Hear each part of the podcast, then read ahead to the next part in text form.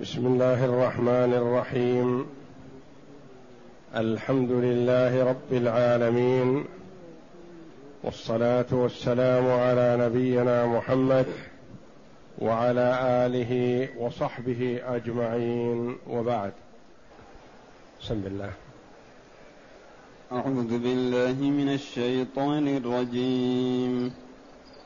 فلا أقسم بمواقع النجوم وإنه لقسم لو تعلمون عظيم وإنه لق إنه لقرآن كريم في كتاب مكنون لا يمسه إلا المطهرون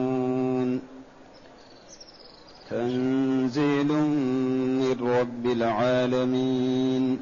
بركة هذه الآيات الكريمة من سورة الباقعة. جاءت بعد قوله جل وعلا أفرأيتم الماء الذي تشربون؟ أأنزل أأنتم أنزلتموه من المزن أم نحن المنزلون؟ لو نشاء جعلناه أجاجا فلولا تشكرون. أفرأيتم النار التي تورون؟ أأنتم أنشأتم شجرتها أم نحن المنشئون؟ نحن جعلناها تذكرة ومتاعا للمقوين. فسبح باسم ربك العظيم. فلا أقسم بمواقع النجوم. الآيات. قوله جل وعلا فلا أقسم بمواقع النجوم. لا هذه للعلماء رحمهم الله فيها أقوال. قول كثير من المفسرين ويعبر عنه بعض المفسرين بقول الجمهور أن لا مزيده للتأكيد وليس معنى ذلك أنها مزيدة لا معنى لها وإنما هي مزيدة يعني في الإعراب وجيء بها لغرض التوكيد والمعنى أقسم بمواقع النجوم لأن الله جل وعلا أكده بقوله وإنه لقسم لو تعلمون عظيم. وقال جماعة من المفسرين إن لا هذه للنفي ليست زائدة للتوكيد وإنما هي للنفي. والمنفي بها محذوف. المنفي بلا هذه محذوف. دل عليه السياق. لا ليس الأمر كما زعمتم. أقسم بمواقع النجوم.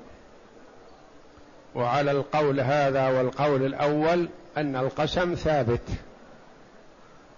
مثبت غير منفي. قال الفراء هي نفي والمعنى ليس الأمر كذلك. يعني بأن القرآن قول سحرة أو كهانة أو مفترى أو أن ما جاء به محمد شعر أو كذب ليس الأمر كذلك ليس الأمر كما زعمتم أيها الكفار. أقسم بمواقع النجوم وإنه لقسم لو تعلمون عظيم. جواب القسم إنه لقرآن كريم. وقيل إن هذه اللام هي لام الإبتداء هي لام الإبتداء مفتوحة.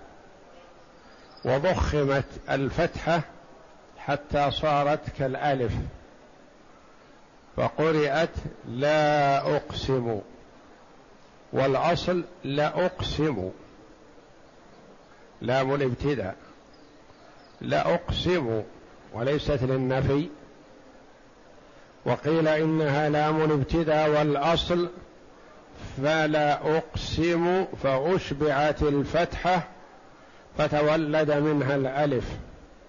وقيل إن لا ها هنا بمعنى ألا أداة التنبيه. وهذا استبعده بعض المفسرين. وقيل إن لا هنا على ظاهرها بنفي القسم. لا أقسم. لأن الأمر واضح. فلا يحتاج إلى قسم فلا أقسم. وهذا بعيد والله أعلم لأنه قال بعد ذلك وإنه لقسم. فثبت القسم ما نفاه. فلا أقسم بمواقع النجوم. إذا لا هذه فيها أقوال.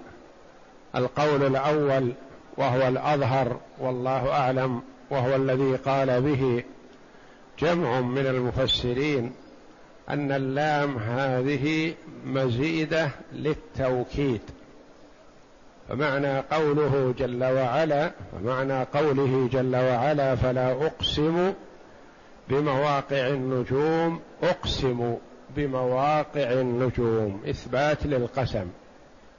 وقيل إن لا هذه للنفي وليست لنفي القسم وإنما هي لنفي ما ادعاه المشركون.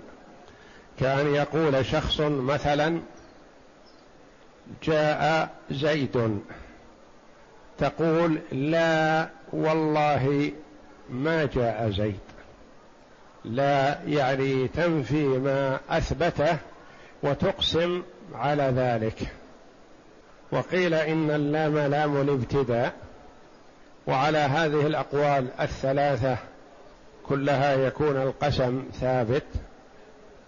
وقيل إن لا على ظاهرها للنفي لنفي القسم وهذا مرجوح لأن الله جل وعلا قال وإنه لقسم لو تعلمون عظيم قسم عظيم.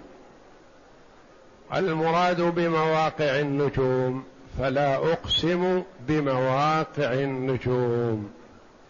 قيل فيها أقوال. مواقع النجوم مساقطها يعني أماكن غيابها. وقت غياب النجوم. الوقت في مغاربها التي تغرب فيها. قال هذا قتادة رحمه الله وغيره من المفسرين. وهذا إشارة إلى الوقت الذي تغرب فيه النجوم. اولا إشارة ولفت نظر للعباد ليتأملوا هذه النجوم في مطالعها ومغاربها. ثم إن وقت مغارب النجوم وقت فاضل. الله جل وعلا فيه يعز ويذل ويرفع ويخفض ويعطي ويمنع وهو وقت الإجابة ووقت يتهجد فيه المتهجدون وقت المناجاة الذي يناجي فيه الصالحون ربهم ويتضرعون إليه في هذا الوقت ويتلذذون في هذا الوقت أشد وأعظم مما يتلذذ أهل اللهو في لهوهم. يتلذذون بمناجاة الله جل وعلا وسؤاله ودعائه والتذلل بين يديه والخضوع له. وفي هذا لذة كما قال بعض السلف لو يعلم الملوك وأبناء الملوك ما نحن فيه لجالدونا عليه بالسيوف. ما هم فيه من اللذة والأنس. وبعض السلف يقول جاهدت نفسي على قيام الليل عشرين سنة وتلذذت به كذا وكذا سنة. أول يحتاج إلى مجاهدة ثم إذا تمكن الإيمان من القلب صار المؤمن يحن إلى هذا الوقت ويشتاق إليه ويتحينه ليقوم ليناجي ربه جل وعلا. فلفت الله نظر العباد إلى هذا الوقت العظيم. لا يمر عليهم وهم ساهون. أو نائمون أو غافلون. هذا وقت عظيم. وهو وقت النزول الإلهي. كما ثبت في الحديث الصحيح أن الله جل وعلا ينزل كل ليلة حين يبقى ثلث الليل الآخر إلى سماء الدنيا نزولا يليق بجلاله وعظمته جل وعلا. فلا يكيف ولا يمثل ولا يشبه ولا ينفى ما أثبته النبي صلى الله عليه وسلم. فالإيمان به واجب لأنه ثبت في الأحاديث الصحيحة فينادي جل وعلا هل من داع؟ هل من مستغفر؟ هل من تائب؟ فيجيب الله جل وعلا الدعاء والاستجابة ويستجيب في هذه الساعة. وورد أن يعقوب عليه السلام لما سأله بنوه أن يستغفر لهم لما فعلوا بيوسف وأخيه وعدهم وأخر دعاءه لهم إلى وقت السحر لأنه أحرى في الإجابة. فهو وقت فاضل من أوقات إجابة الدعاء. الدعاء فيه لا يرد ما لم يدعو المرء بإثم أو قطيعة رحم. فلذا أقسم الله جل وعلا بهذا الوقت الذي هو وقت مواقعها. وقال عطاء بن أبي رباح المراد بمواقع النجوم منازلها. وقال الحسن انكدارها وانتثارها يوم القيامة. وإذا النجوم انكدرت يعني انتثرت ل وطويت السماء وتساقطت النجوم وحان فصل القضاء. يقضي الله جل وعلا بين العباد. وقال الضحاك الأنو هي الأنواء التي كان أهل الجاهلية يقولون مطرنا بنوء كذا وكذا. وعلى هذا قال يكون القسم على النفي على ظاهره. يعني ينفي الله جل وعلا القسم بالأنواع. هذا قول بعيد والله أعلم. والله جل وعلا يقسم بما شاء من خلقه. فأقسم بمواقع النجوم كما هنا وأقسم بالليل وأقسم بالشمس وأقسم بالضحى وأقسم بالقمر وأقسم بأشياء كثيرة من مخلوقاته جل وعلا للفت نظر العباد إلى عظم هذه المخلوقات. فإذا انتبهوا لعظمها عرفوا عظمة الخالق جل وعلا. وأما المخلوق فلا يجوز أن يقسم إلا بالله. أو بصفة من صفاته لأن المقسم إذا أقسم بشيء فقد أعطاه منتهى التعظيم ولا يجوز لمخلوق أن يعطي منتهى التعظيم إلا لله جل وعلا. فلا يصح ولا يجوز القسم بالكعبة. شرفها الله ولا بالنبي صلى الله عليه وسلم ولا بأحد من الرسل ولا بأحد من الأنبياء ولا بأي صالح من عباد الله ولا بغيرها من المخلوقات كائنا من كان. وإنما من كان حالفا فليحلف بالله أو ليصمت. ومن حلف بغير الله فقد كفر أو أشرك. ويقول عبد الله بن مسعود رضي الله عنه لأن أحلف بالله كاذبا أحب إلي من أن أحلف بغيره صادقا. لأن الحلف بغير الله والإنسان كاذب يمين غموس كبيرة من كبائر الذنوب ليست بسهلة. والحلف بغير الله وإن كان الإنسان صادق فهو شرك. والشرك وإن كان صغيرا فهو أعظم من كبائر الذنوب وأشد. فلا يجوز الحلف بالأبوين ولا بالنبي ولا بحياة صاحبك أو صديقك أو العزيز عليك. ولا بأي ولي من الأولياء ولا بأي مخلوق كائنا من كان. لأن المرء إذا أعطى منتهى التعظيم لغير الله فقد أشرك بالله. أن التعظيم المطلق لله وحده لا يشاركه فيه أحد. أنت تعظم من يستحق التعظيم من المخلوقين لكن لا توصله إلى درجة التعظيم المطلق التعظيم المطلق لله جل وعلا. ولهذا الكفار والمشركون ومشركو زماننا تجدهم يعظمون آلهتهم ومن يعبدونه أو يسودونه أكثر من تعظيمهم لله. فالكثير منهم لو طلب منه أن يحلف بالله حلف ولا يبالي صادقا أو كاذب.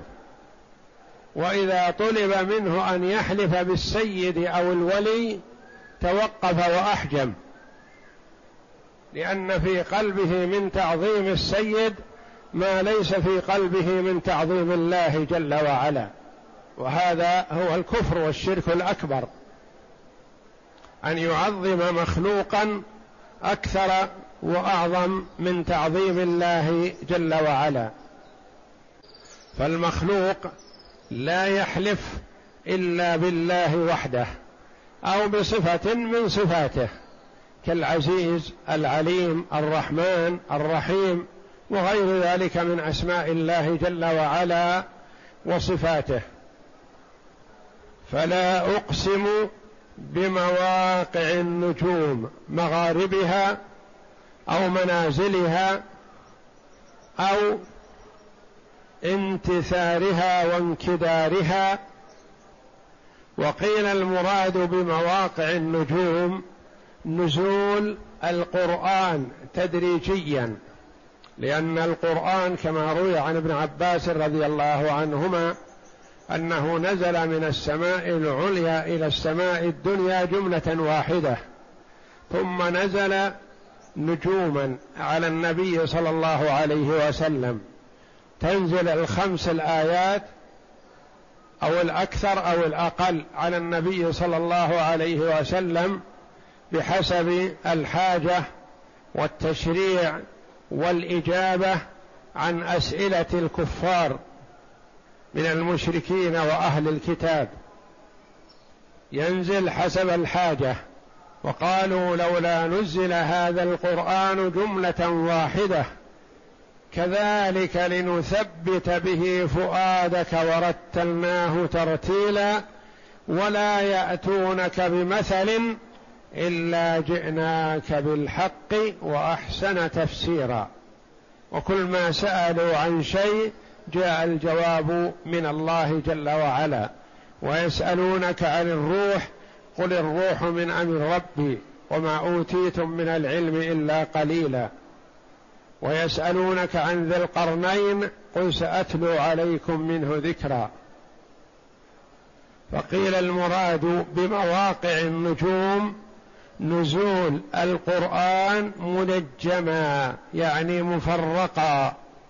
الآيات قلة وكثرة حسب الحاجة فلا أقسم بمواقع النجوم وإنه لقسم لو تعلمون عظيم. هذه جملة يسميها العلماء معترضة بين القسم وجوابه فلا أقسم بمواقع النجوم هذا القسم. وجوابه إنه لقرآن كريم وما بينهما معترضة وإنه لقسم وإنه أي أي هذا القسم لقسم لو تعلمون كلمة لو تعلمون معترضة في أثناء الجملة المعترضة. وإنه لقسم عظيم.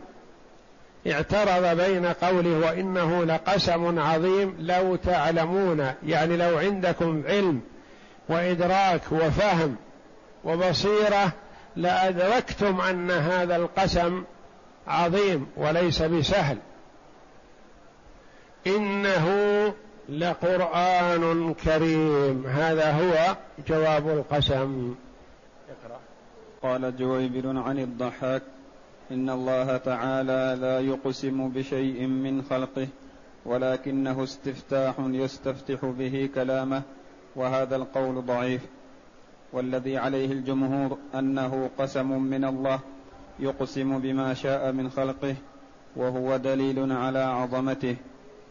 ثم لأن الله جل وعلا يلفت نظر العباد إلى عظم وعظمة هذا المخلوق الشمس والليل والقمر والضحى والعصر. هذا مخلوق من مخلوقات الله فيه شيء من العظمة. فإذا كان فيه هذه العظمة فعظمة الخالق أعظم وأجل جل وعلا. نعم. ثم قال بعض المفسرين لا ها هنا زائدة. وتقديره أقسم بمواقع النجوم. وقال آخرون ليست لا زائدة لا معنى لها بل يؤتى بها في أول القسم إذا كان مقسما به على منفي. كقول عائشة رضي الله عنها لا والله ما مست يد رسول الله صلى الله عليه وسلم يد امرأة قط. وهكذا. يعني ما كان الرسول عليه الصلاة والسلام يصافح النساء. فهذا من قول عائشة لا يعني لم يصافح النبي صلى الله عليه وسلم النساء ولا مست يده يد امرأة وأقسمت على ذلك رضي الله عنها. وإنما إذا بايع النساء بايعن كلاما عليه الصلاة والسلام. كلاما بدون مصافحة. وكان إذا بايع الرجال صافحهم. وهكذا ها هنا تقدير الكلام. لا أقسم بمواقع النجوم. ليس الأمر كما زعمتم في القرآن أنه سحر هذا القول الثاني. القول الأول أن لا زائده قال ابن كثير رحمه الله. القول الثاني أن لا نافية لكلام محذوف. ليس الأمر كما زعمتم. اقسم بمواقع النجوم إنه وإنه لقسم لو تعلمون عظيم. نعم. ليس الأمر كما زعمتم في أنه في في القرآن أنه سحر أو كهانة بل هو قرآن كريم. وقال ابن جرير قال بعض أهل العربية معنى قوله فلا أقسم فليس الأمر كما تقولون. ثم استأنف القسم بعد ذلك. واختلفوا في معنى قوله بمواقع النجوم. فقال حكيم بن جبير عن سعيد بن جبير عن ابن عباس رضي الله عنهما يعني نجوم القرآن فإنه نزل جملة ليلة القدر من السماء العليا إلى السماء الدنيا ثم نزل مفرقا في السنين بعد. ثم قرأ يعني نزول القرآن على النبي صلى الله عليه وسلم في ثلاث وعشرين سنة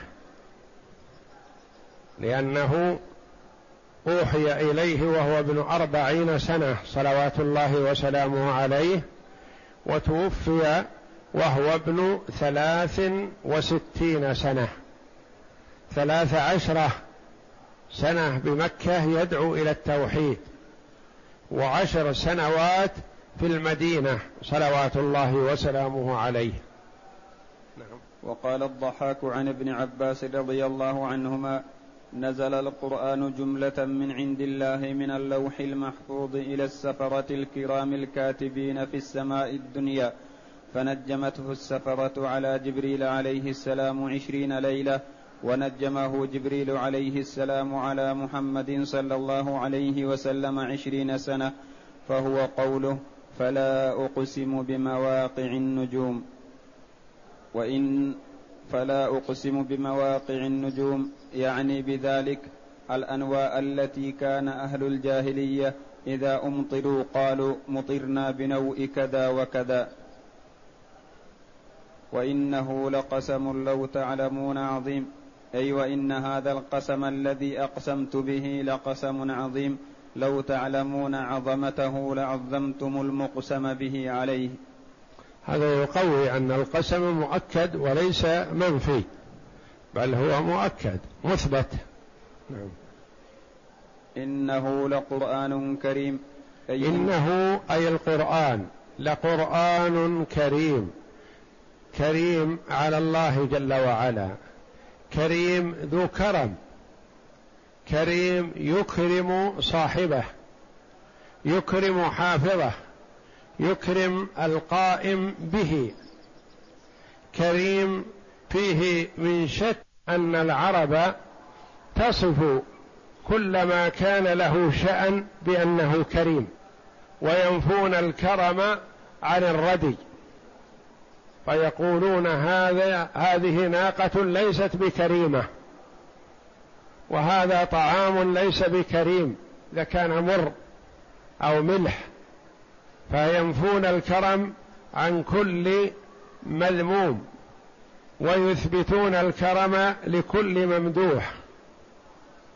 وكما قال الله جل وعلا رب العرش الكريم فالشيء الممدوح يثبت له الكرم والقرآن كريم فهو كلام الله جل وعلا تكلم الله جل وعلا به أوحاه إلى جبريل عليه السلام ونزل به جبريل إلى محمد صلى الله عليه وسلم فهو كلام الله وهو صفة من صفاته فهو منزل من الله ليس بمخلوق منه بدأ وإليه يعود في آخر الزمان يرفع من المصاحف ومن صدور الرجال قبيل قيام الساعة وهو مصدر وأساس لكل علم نافع يستنبط من القرآن.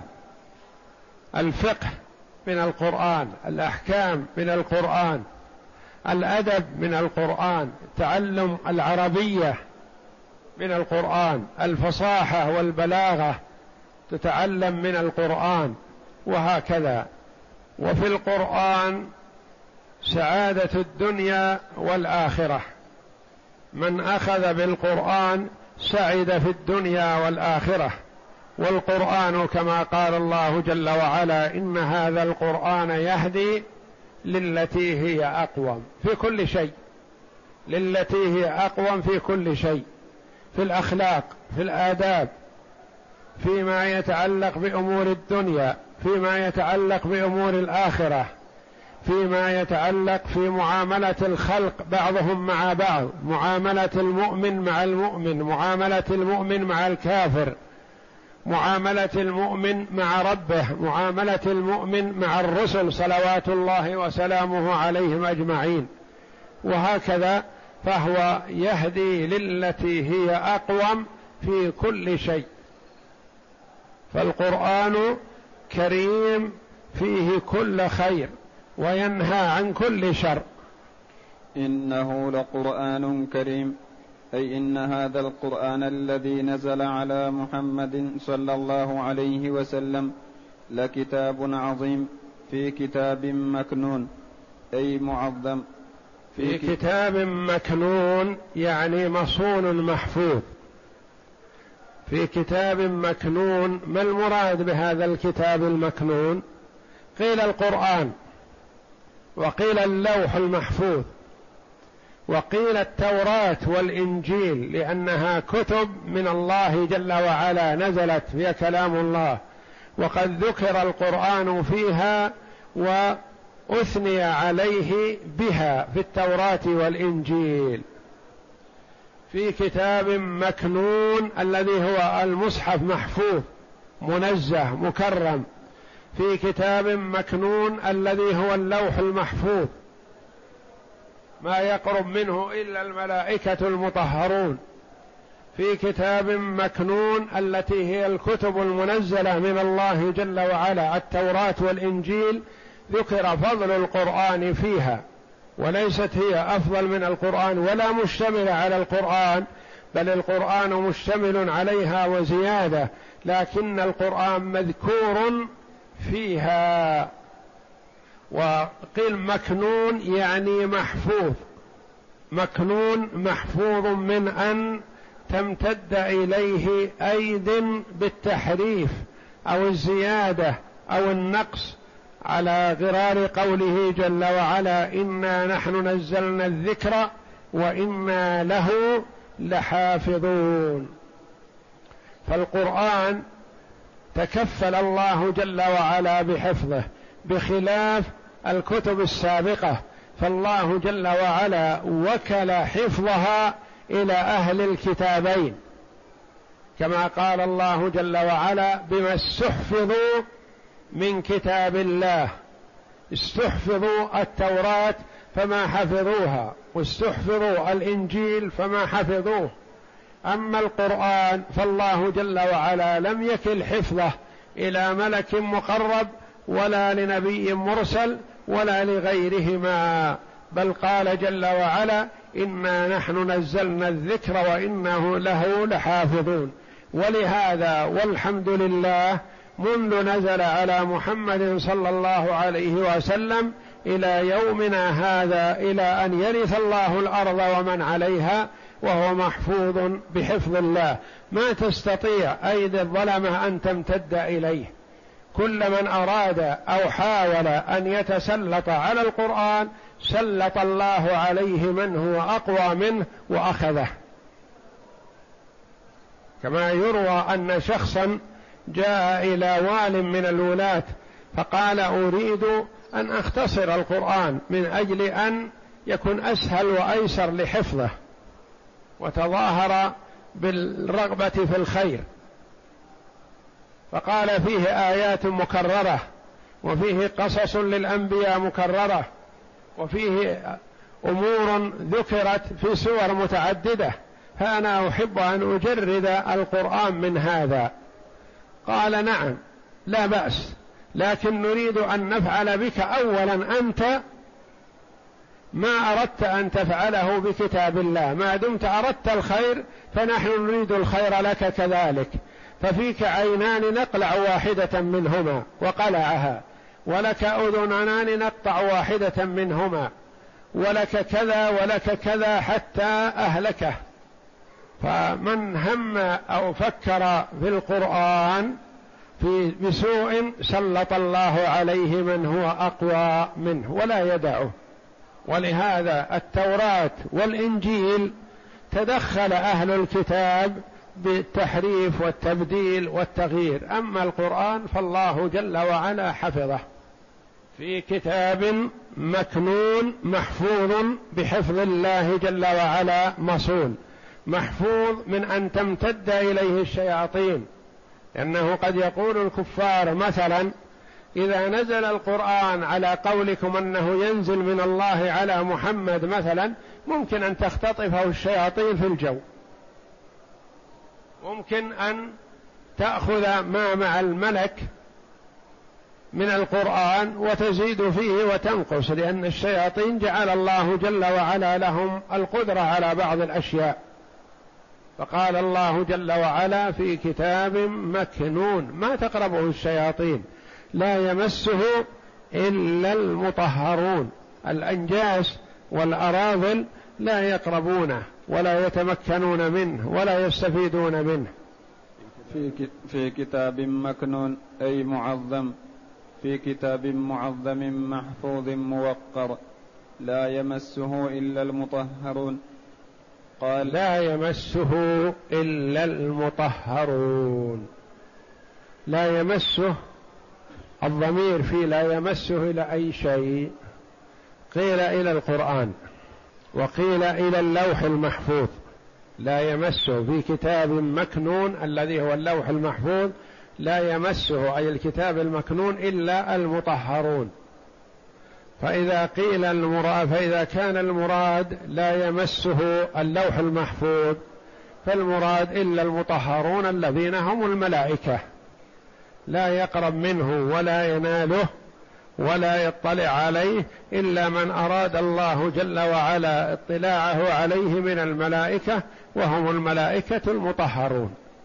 لا يمسه إلا المطهرون. وإذا كان المراد به القرآن فما المراد بالمطهرين؟ أقوال.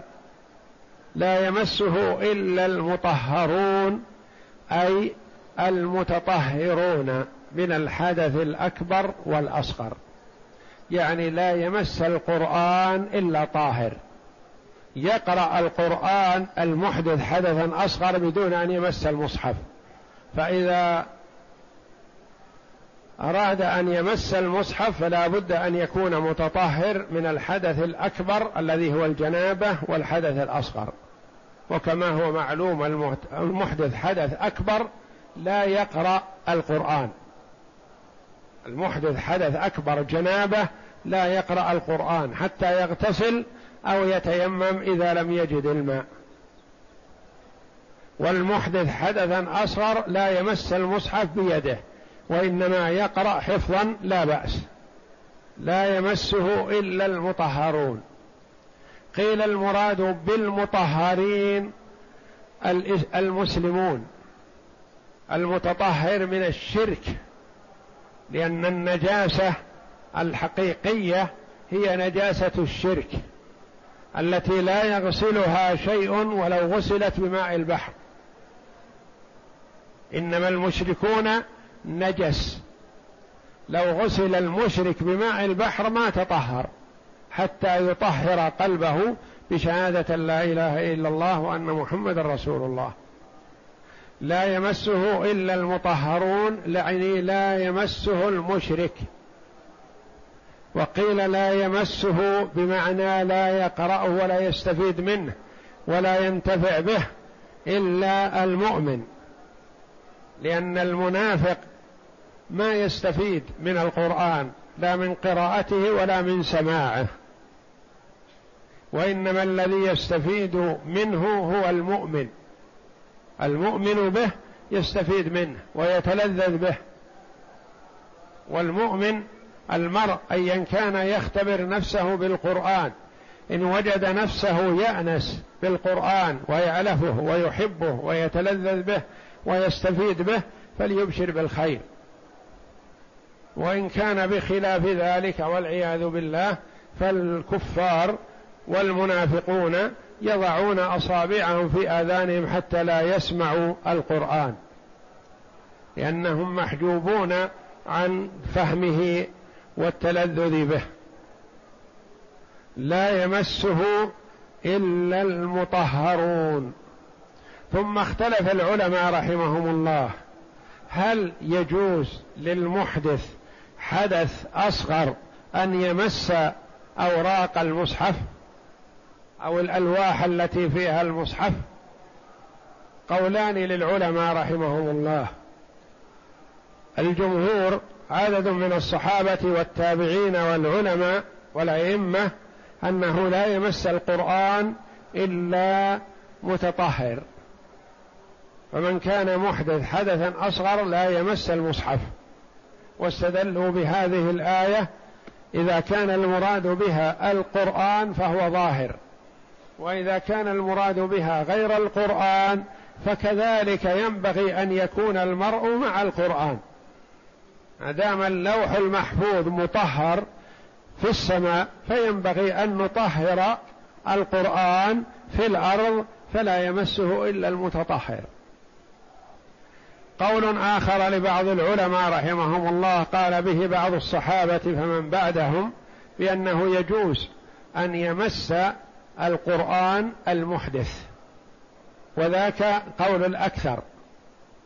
وينبغي أن ينزه كلام الله جل وعلا وكتابه العزيز فيتأدب المسلم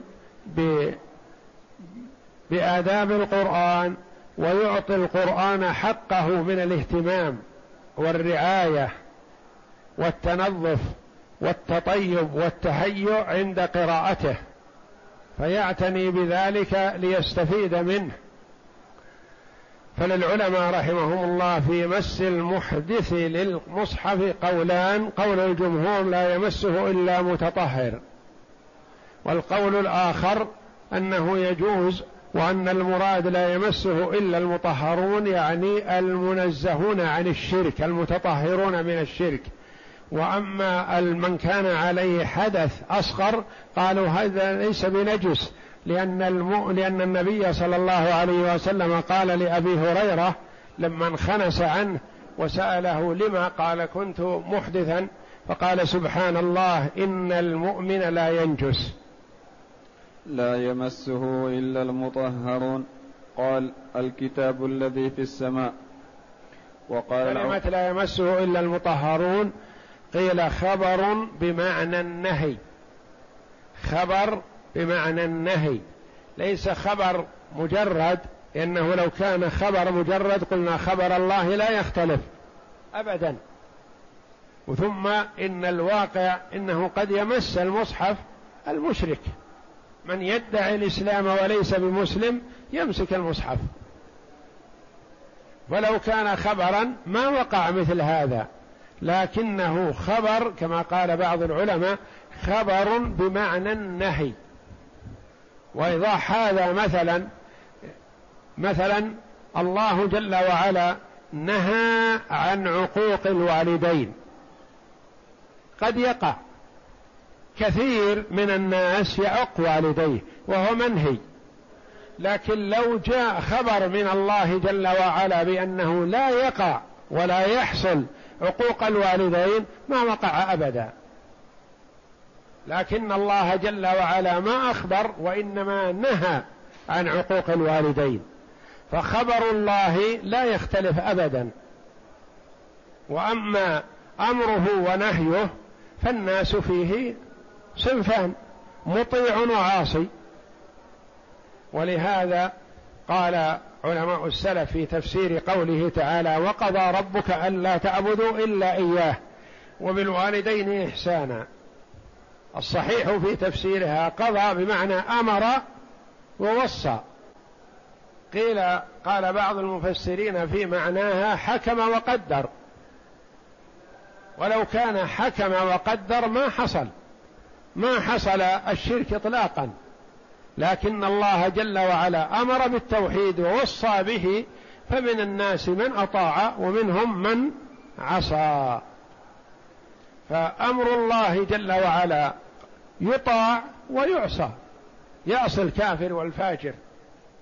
وخبر الله جل وعلا لا يختلف.